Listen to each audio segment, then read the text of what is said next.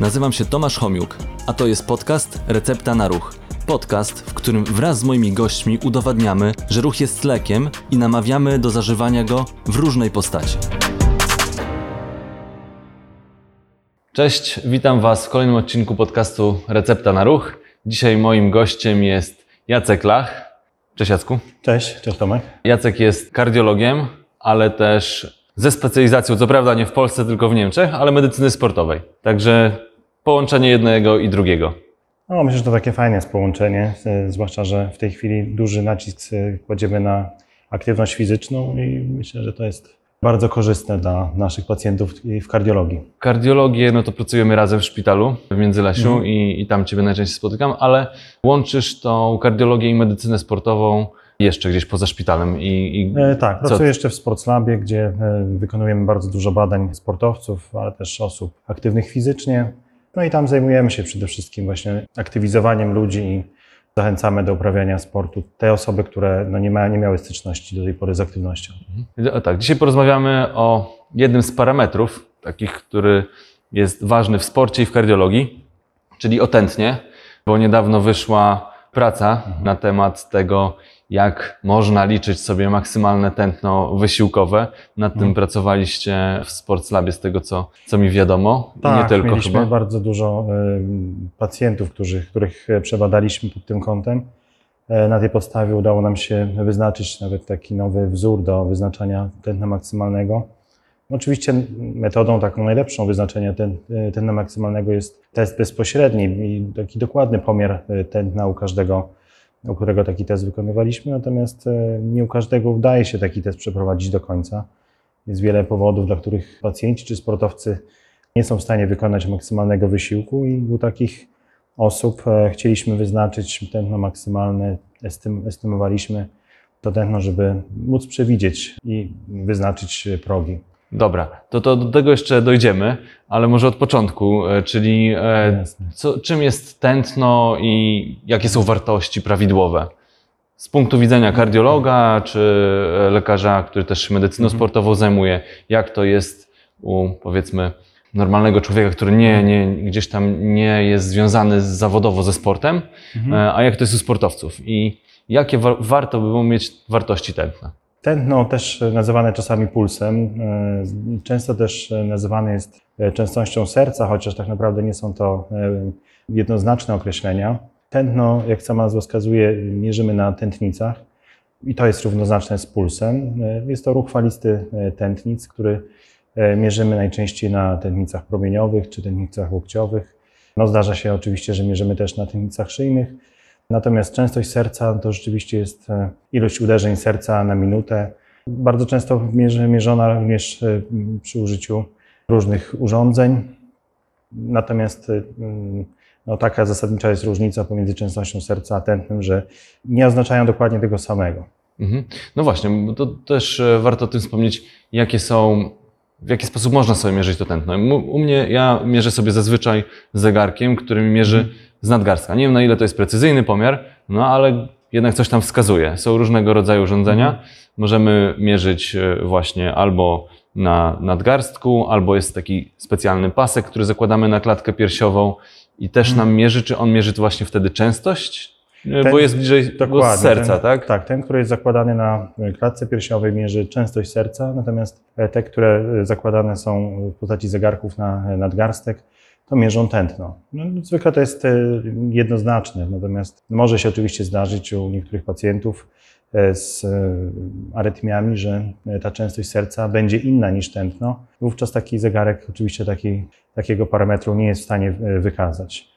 Natomiast e, uważam, że każdy pomiar e, naszej aktywności, monitorowanie aktywności, czy to w postaci zegarka, czy, czy takiego pasa jest, jest już e, jakąś wskazówką dla nas. Możemy na tej podstawie sobie po pierwsze trening ustawiać, po drugie możemy go monitorować. Oczywiście do, do dokładniejszego pomiaru częściej stosu- stosujemy pasy na klatce piersiowej, natomiast do codziennego użytku w zupełności wystarczą zegarki. Dobrze. zresztą też taki noszę. A jakie są wartości prawidłowe? Tętna? Wartość prawidłowa e, według literatury to jest pomiędzy 60 a 100. Oczywiście są, są uzależnione od wieku, bo u dzieci e, to tętno jest zwykle dużo wyższe, u osób starszych tętno wzra- spada e, z biegiem lat, także te wartości są, są zmienne. Te, które są powyżej 100 e, w trakcie spoczynku są wartościami wysokimi i nazywamy je tachykardiami, Mhm. natomiast te, które są wolniejsze od 60 nazywamy bradykardiami. Ale chyba nie u każdego. No, no, znaczy u każdego możemy tak nazwać, natomiast Aha. Nie u każdego jest to coś, co jest- co, co jest świadczy, niepokojące. tak, co niepokojące. No, bo jeżeli mamy częstość powyżej 100, zwykle jest to niepokojące, jeżeli jest to w trakcie zupełnego spoczynku. Wtedy musimy zastanowić się nad, nad przyczyną takiej, takiej sytuacji. Natomiast jeżeli tętno jest poniżej 60, no to oczywiście dla nas jest to wskazówka, że prawdopodobnie jest to osoba albo aktywna fizycznie, albo oczywiście y, jest to związane z wiekiem. W niektórych schorzeniach również może dojść do spadku tętna podstawowego. Mhm. A jeśli chodzi o wartości tętna, bo jak gdzieś znalazłem też takie hipotezy, że e, nasz długość życia może zależeć od tego, jakie mamy tętno. Jed, jako jeden z takich e, czynników wpływający na długość życia. Tak, wiemy, że no, Mhm. różne organizmy mają różne wartości tętna. No, jakieś tam małe zwierzątka, myszki mają bardzo szybkie tętno, e, znaczy szybko akcję serca i żyją krócej. Żółw z Galapagos ma wolny rytm i żyje 140 lat. Czy to ma jakieś znaczenie, jeśli chodzi o człowieka i w ogóle, czy tętno ma znaczenie, jeśli chodzi o długość życia i ewentualnie, czy to też wpływa na, w jakimś stopniu na nasze zdrowie? Zdecydowanie tak. To znaczy w kardiologii jest e, w ogóle bardzo wiele badań na ten temat dotyczących e, no, szczególnie osób z różnymi chorobami serca, takie w niewydolności serca, w, migotaniu przedsionku, czyli jednej z częstszych arytmii, jakie my obserwujemy w kardiologii. I tam te częstości już są dokładnie wyliczone, jakie powinny być. Natomiast u osób zdrowych e, też oczywiście wysokie tętno będzie świadczyło najczęściej o jakichś zaburzeniach układu krążenia i może powodować pogorszenie rokowania e, osoby zdrowej, potencjalnie zdrowej. No zresztą, e, mm, jak już wspomnieliśmy wcześniej, to e, aktywność fizyczna powoduje obniżenie częstości podstawowej, częstości spoczynkowej, a wiadomo, że aktywność fizyczna jest czynnikiem pozytywnie działającym rokowniczo. No a właśnie, a jak to się, z jakiego powodu spada czynność akcji serca? Właśnie przez to, że jesteśmy aktywni. No, dajemy receptę na ruch. Ruch Mhm. powoduje, że jeśli to jest systematyczna aktywność fizyczna, jeszcze różnie, niektóra bardziej wpływa na ten e, parametr, niektóra mniej. E, Mhm. Możemy ro- robić treningi interwałowe, które będą bardzo fajnie wpływały na, na obniżenie tego e, rytmu i spoczynkowego, i Mhm. wysiłkowego. Tak samo trening każdy wytrzymałościowy będzie Mhm. na to wpływał, ale no jak to się dzieje? Coś, co się dzieje właśnie z naszym sercem, układem krążenia, że, że ten rytm spada po jakimś czasie? Czy można to porównać w sumie trochę do jazdy samochodem? Czyli im dłużej będziemy jeździć, będziemy lepiej poznamy samochód, tym ten samochód będzie nam mniej palił, tak? jeżeli będziemy jeździć Ekonomicznie. ekonomicznie. tak. To samo dzieje się z e, sercem naszym, czyli jeżeli dużo e, wykonujemy wysiłków, to serce uczy się, e, jak Zarządzać sobie, tą jak energią. zarządzać energią i dzięki temu zaczyna pracować coraz bardziej ekonomicznie. Mhm. Wiemy, że w trakcie, w trakcie wysiłku to serce e, u sportowca potrafi też przyspieszyć, wtedy kiedy jest duże zapotrzebowanie na substraty energetyczne i na tlen, natomiast w spoczynku takie serce nie potrzebuje wykonywać bardzo m, dużego wysiłku, bardzo dużej pracy. Wiemy, że serce, praca serca wykonywana jest zarówno poprzez e, jego częstość, jak i przez objętość krwi w Mhm. k- każdym skurczu. I serce sportowca ma tą zdolność wyrzutu większej objętości krwi e, w każdym e, pojedynczym skurczu i e, dzięki temu uzyskiwana jest no, ta duża praca, tak, Mhm. którą serce sportowca wykonuje. Czyli na raz wypycha tyle krwi, że można powiedzieć, na, na, Mhm. na, więcej zaopatruje. Dokładnie, to znaczy tkan, bo to w zasadzie my teraz rozmawiamy głównie o sercu, natomiast musimy wiedzieć, że no jednak to nie jest tylko serce, tak? Mhm. Jest, y, są mięśnie, jest układ oddechowy. Wszystkie te układy dostosowują się do aktywności fizycznej, do zwiększonego zapotrzebowania na, na tlen i, i wszystkie te tkanki uczą się, jak sobie radzić i zarządzać z y, większą bądź mniejszą ilością e, tlenu. Jakie są e, takie górne granice, albo też i dolne granice, jakie, na jakie musimy uważać podczas i w spoczynku, i podczas wysiłku? No, głównie nam chodzi tutaj o wysiłek, bo e, po to Ciebie zaprosiłem. Stworzyliście własny wzór do wyliczenia maksymalnego tętna wysiłkowego, więc chciałem się dowiedzieć, jak tutaj, jakie są granice? Na co powinniśmy uważać, jeśli trenujemy, czy w ogóle, nawet jeśli nie trenujemy, tak, to co kiedy nas powinno zaniepokoić, albo kiedy właśnie sobie, czy ustawić sobie granice. Po to zakładamy sobie zegarki, po to zakładamy sobie paski do, do mierzenia tego parametru. No, po coś, tak? Zgadza się. No, Znaczy, może rzeczywiście na początek jeszcze uzupełnię tę informację o tętno spoczynkowe, które jeżeli przekracza wartość 100, warto jednak udać się w takiej sytuacji do lekarza i zweryfikować, jaka jest tego przyczyna, bo istnieją różne schorzenia, które mogą być przyczyną e, podwyższonego spoczynkowego tętna. Oczywiście tętno wysiłkowe będzie również wtedy szybko narastać. E, Są to takie choroby jak e, nadczynność tarczycy czy anemia, ale również choroby układu oddechowego mogą powodować przyspieszone tętno. Brak aktywności fizycznej, czyli rzeczywiście- taki siedzący tryb życia będzie powodował podwyższenie tętna spoczynkowego. Natomiast w trakcie wysiłku w zasadzie można powiedzieć, że tętno maksymalne nie powinno przekraczać na ogół y, wartości około 220 na minutę minus wiek. To jest ten stary wzór, Najbardziej który- znany. najbardziej znany, na których wiele osób się wzoruje, y, wzoruje y, i wiele też zegarków, które nosimy, y, opiera się na, tej, y, na tym parametrze. No my stworzyliśmy nowy wzór, badając osoby aktywne fizycznie i sportowców, więc to jest taka trochę grupa już jakby wyse- wyselekcjonowana i różniła się zdecydowanie od tej grupy 220 minus wiek. Dzięki temu powstał wzór, który no, okazuje się być nieco dokładniejszy w, u, takich, u takich osób. Przypomnę tylko jego wartość 202,5 minus 0,53 razy wiek. My w naszym badaniu jeszcze braliśmy pod uwagę inne parametry, które jednak okazały się mniej istotne, ale mm, powiedzmy zapraszam osoby zainteresowane, które chcą dokładnie poznać wartość do, do Sportslabu, żeby, e, żeby wyznaczyć e, Maksymalne tętno, tak. No, to jeszcze podlinkuję w podcaście artykuł, Mhm. który napisaliście i który e, pokazuje, jak wygląda ten wzór. Zanim jeszcze o tym powiemy, to Jacek, ciekawy też jestem, jak w ogóle wyglądało to badanie, które prowadziliście, czyli kogo badaliście, jaka to była grupa, jak liczna, po kolei. Jak to się zaczęło? Okej, zaczęło się wszystko od zebrania odpowiedniej grupy osób. Było to ponad e, 3000 osób aktywnych fizycznie, e, u których przeprowadziliśmy badanie na bądź to cykloergometrze rowerowym, bądź na bieżni i były przeprowadzone u nich badania e, spiroergometryczne. E, Badanie to może e, przypomnę na czym polega. Jest to badanie, w którym mm, wykonujemy wysiłek fizyczny e, z pomiarem tętna, ale też e, z pomiarem e, gazów wdychowych, więc to są takie badania, które... I EKG jeszcze całe właściwie, tak? To znaczy tak, u wszystkich nie. Nie, nie, nie było Aha. EKG, bo to, to, że tak powiem, wydłuża czas badania. To nie były badania takie stricte kardiologiczne, one były Mhm. bardziej nastawione na, na ocenę tętna, ocenę tych parametrów HR max. No i u tych, u tych osób, były- aha, były to osoby aktywne fizycznie, byli to sportowcy.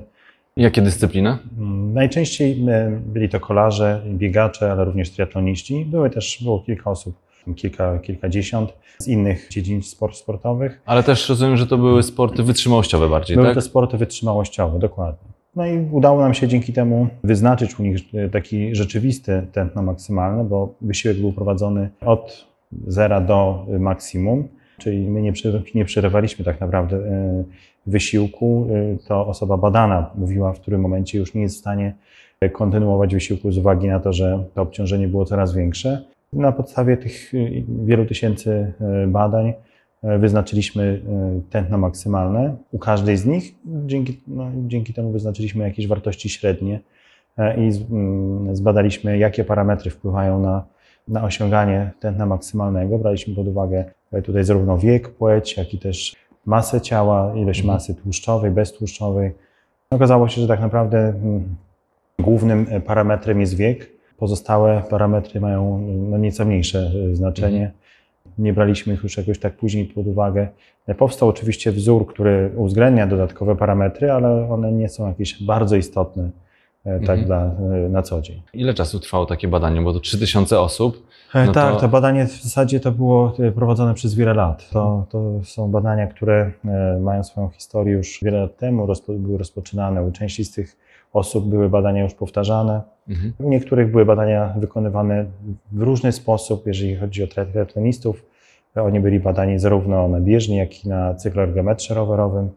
A tak naprawdę już mając taką bazę badań, to sama już y, później samo obliczanie, no to już kwestia Statystyka. statystyka, który, który zrobił to bardzo szybko. Okej, ale tam wspomniałeś, że ci sportowcy, którzy byli poddawani próbie ergospirometrycznej, oni podejmowali wysiłek do momentu, kiedy już no, nie, nie dawali rady. Do ale odcięcia, tak? do, tak, do, do, można to tak nazwać.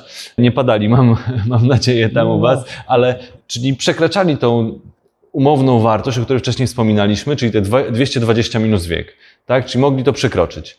Mogli przekroczyć. W zasadzie wszelkie wzory, jakie są stosowane, to tętno maksymalne, które estymujemy na podstawie tych wzorów, w zasadzie nie ma takich wskazań, aby e, na tym etapie kończyć badanie. Nie tylko w kontekście e, osób aktywnych fizycznie i badań e, wydolnościowych, ale też kardiologii. No, zdarzają się pacjenci, którzy no, tak zdecydowanie przekraczają tą wartość Mhm. wychodzącą ze wzoru. I Jeżeli są w stanie kontynuować wysiłek, y, no to powinniśmy im na to pozwolić. Tutaj nie ma. Czyli, czyli na przykład, e, tutaj na, na chwilę sam skorzystam z porady kardiologa. Jeśli ostatnio na treningu wyszło mi 186, no a niestety w tym roku już mi 40 wskoczyła na licznik, no to nie mam co się bać, skoro czułem się dobrze, tak? Każdy ma, każdy ma to tętno indywidualne i te wzory to nie są y, jakieś, y, to nie jest y, dla każdego dokładnie taka sama wartość, tak? No to są takie średnie wartości, które no, są potrzebne niekiedy w sytuacji, w której pacjent, czy to z powodu stosowania leków, czy z powodu jakichś problemów nie wiem, ortopedycznych, nie jest w stanie kontynuować wysiłku aż do końca, no, abyśmy mogli wyznaczyć na przykład poszczególne strefy, żebyśmy mogli ocenić jego wydolność i wiedzieć mniej więcej na którym etapie można traktować, że ten wysiłek został wykonany bądź w jakim procencie tylko realizowany, no to taka wartość jest nam potrzebna, ale no nie u każdego jesteśmy w stanie kontynuować wysiłek. Natomiast jeżeli dałeś radę powyżej 180, No już się hamowałem trochę. to już jest to, to, to chociaż no nie powiem, że to jest jakiś par- parametr, który świadczy o tym, o Twoim bardzo dobrym wytrenowaniu. Tak, żebyś się też za bardzo nie cieszył. No to Bo sportowców tętno maksymalne wcale ono nie jest jakieś y, bardzo wysokie. Y, Nawet można powiedzieć, że im No to są bardziej aktywne, tym Mhm. To tętno maksymalne też jest nieco niższe. No to właśnie poprzez ten trening się adaptujemy do tego i jakby obniżamy to maksymalne tętno wysiłkowe. No ja, ja się Tak. zgadzam, że nie jestem aż taki super. E, Ale to świadczy z kolei tak z punktu widzenia kardiologicznego o tym, że serce ma bardzo dobre zdolności elektrofizjologiczne, czyli to A to dziękuję. czyli coś pozytywnego też jest. Nie, no bo tak się zastanawiam. Do, jest te 220 minus wiek. No ale wiek też jest trochę taki, można powiedzieć, umowny. No mamy wiek kalendarzowy i biologiczny. Mi Garmin pokazuje, e, już kurczę, reklamą pojechałem, ale mi pokazuje, że tam gdzieś jestem e, około 20 lat mój wiek biologiczny, więc tak naprawdę jakbym doszedł do tych 200 nawet tętna, to może bym nie padł. To znaczy, e, trzeba pamiętać o tym, e, właśnie o tym padaniu. Mm, Jeżeli ktoś wykonuje taki, taką, taki wysiłek fizyczny i doprowadza swój organizm do takiego tętna maksymalnego, to ważną, e, ważny jest, e, nawet bardzo ważny ten czas po tym maksymalnym wysiłku, aby nie przerywać go tak nagle, Mhm. żeby jednak e, po- pozwolić sercu wrócić stopniowo do takich wolniejszych częstości.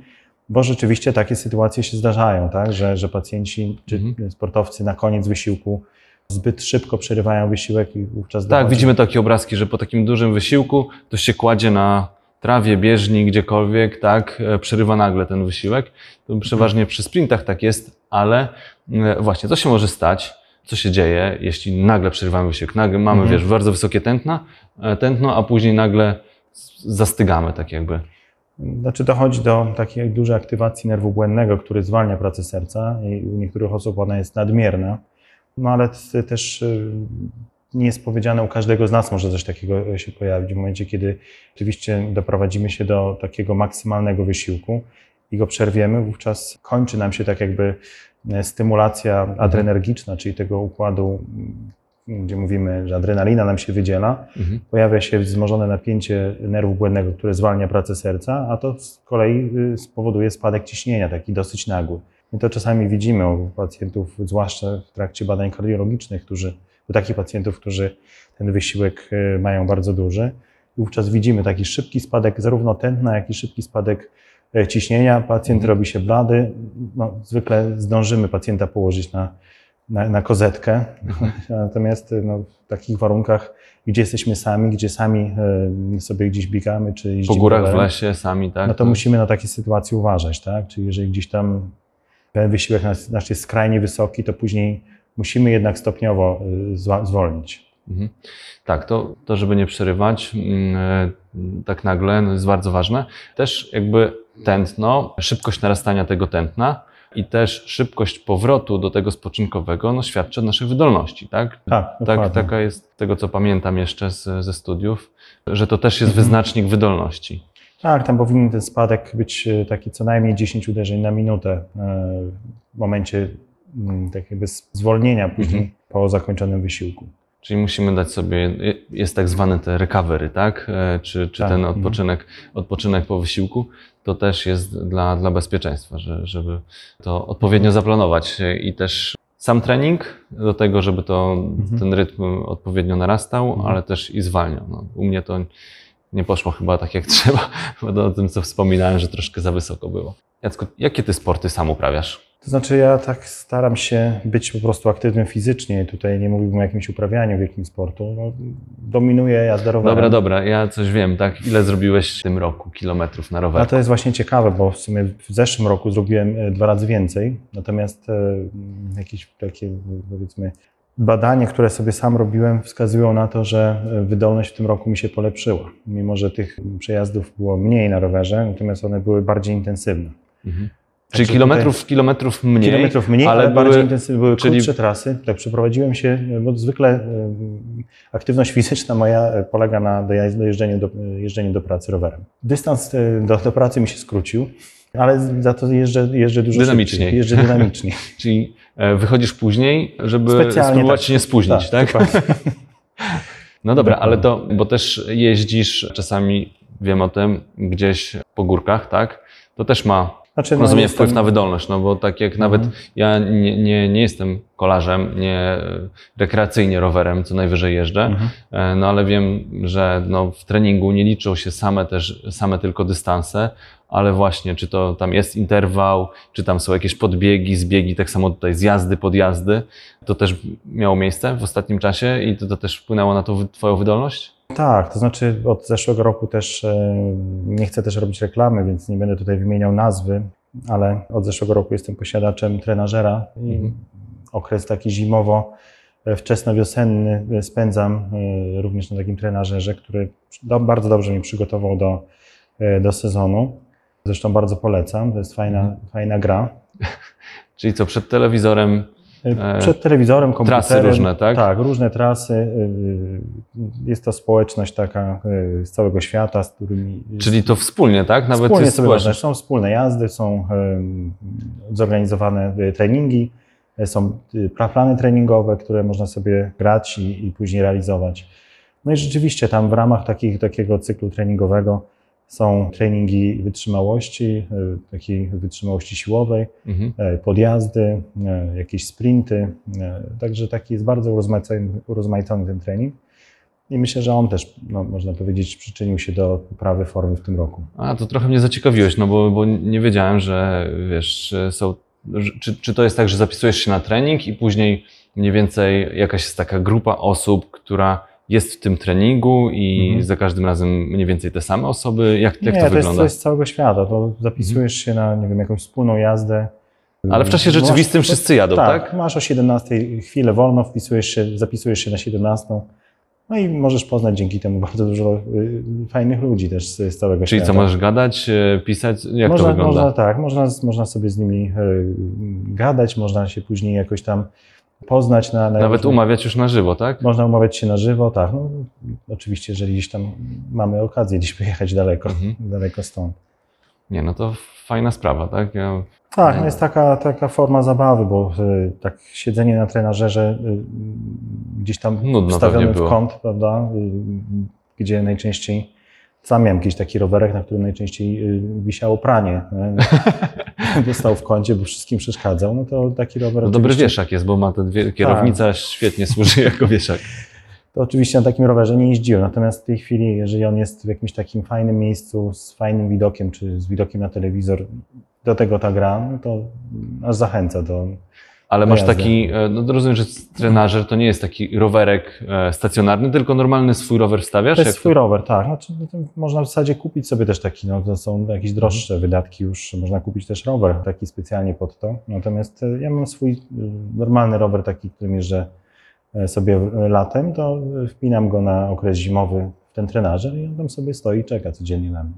No jeszcze mam pytanie, czy sam sobie układasz treningi, czy masz też trenera? Też, nie wiem, korzystałeś e, z Bikefittera, tak? Czy jak, Znaczy jak- Bikefittera y, tak się przymierzam, nie, jeszcze nie skorzystałem, ale to jest chyba bardzo dobra inwestycja. Natomiast y, no, trenera nie mam, ponieważ y, no, nie jestem za bardzo w stanie sobie tak zorganizować tygodnia, żeby przestrzegać ściśle jego zaleceń. planu treningowego? planu no tak. treningowego. Y, Ten plan treningowy, który jest w ramach y, tej właśnie mojej Aplikacji zimowej jakiejś, aplikacji tak? jest, jest ok. Natomiast w okresie letnim no to głównie są to dojazdy do pracy, to już Mhm. tam sobie tak jeżdżę po prostu jak, jak, jak, jak wyjdzie, no, w zależności od tego, jaka jest pogoda, jak, y, jakie mam Mhm. danego dnia możliwości. Czyli to, teraz masz fajnie, bo jak jest smog, to, to trenujesz na trenażerze i też No, dokładnie, Masz bo to w fajną- sumie nie fajną tyle, że, że zimne powietrze mnie od, odstrasza od jazdy zimą, natomiast y, smog jak najbardziej. Dobra, Jacek, na, na koniec e, takie, takie Mhm. Podsumowanie, pytanie, które na końcu się zazwyczaj zdarza, wszystkim gościom zadaję, albo prawie wszystkim, to jaka jest Twoja recepta na ruch? No recepta, w zasadzie o niej mówiliśmy, tak? Czyli to, żeby jeżeli mamy dużo czasu, to bądźmy aktywni ile, ile, ile mamy czasu. No, zalecenia mówią o 150 do 300 minutach tygodniowo, takiej umiarkowanej aktywności. Natomiast mm, jeżeli nie mamy za bardzo czasu, a takich osób jest bardzo wiele, zresztą sam do nich należę, no to staramy się ym, Szukać okazji. szukać okazji i zastąpienie samochodu rowerem jeżdżąc do pracy kosztuje mnie tak naprawdę około 10 minut, tak? bo o tyle wolniej jadę rowerem do pracy niż y, samochodem, gdzie muszę stać w korku. tak? No jest jeszcze po przy obecnych cenach paliwa, no to już wiesz, zupełnie się opłaca. Zupełnie się opłaca, dokładnie. E, Także 10 minut, a mam praktycznie godzinę jazdy zapisaną. Tak? Mhm.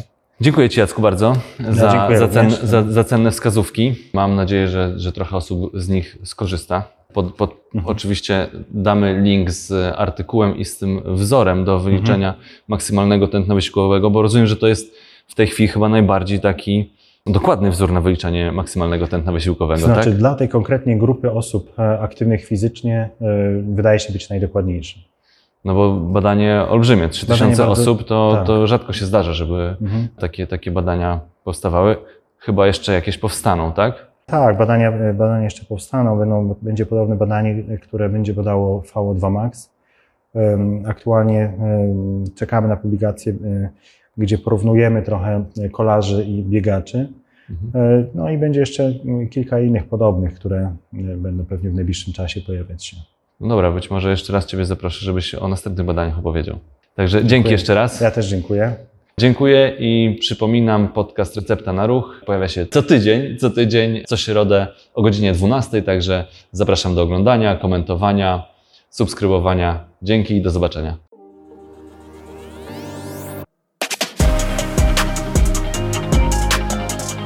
Dzięki, że byliście. Mam nadzieję, że zostaniecie tutaj na dłużej. Jeżeli chcecie być na bieżąco, zasubskrybujcie kanał Recepta na Ruch.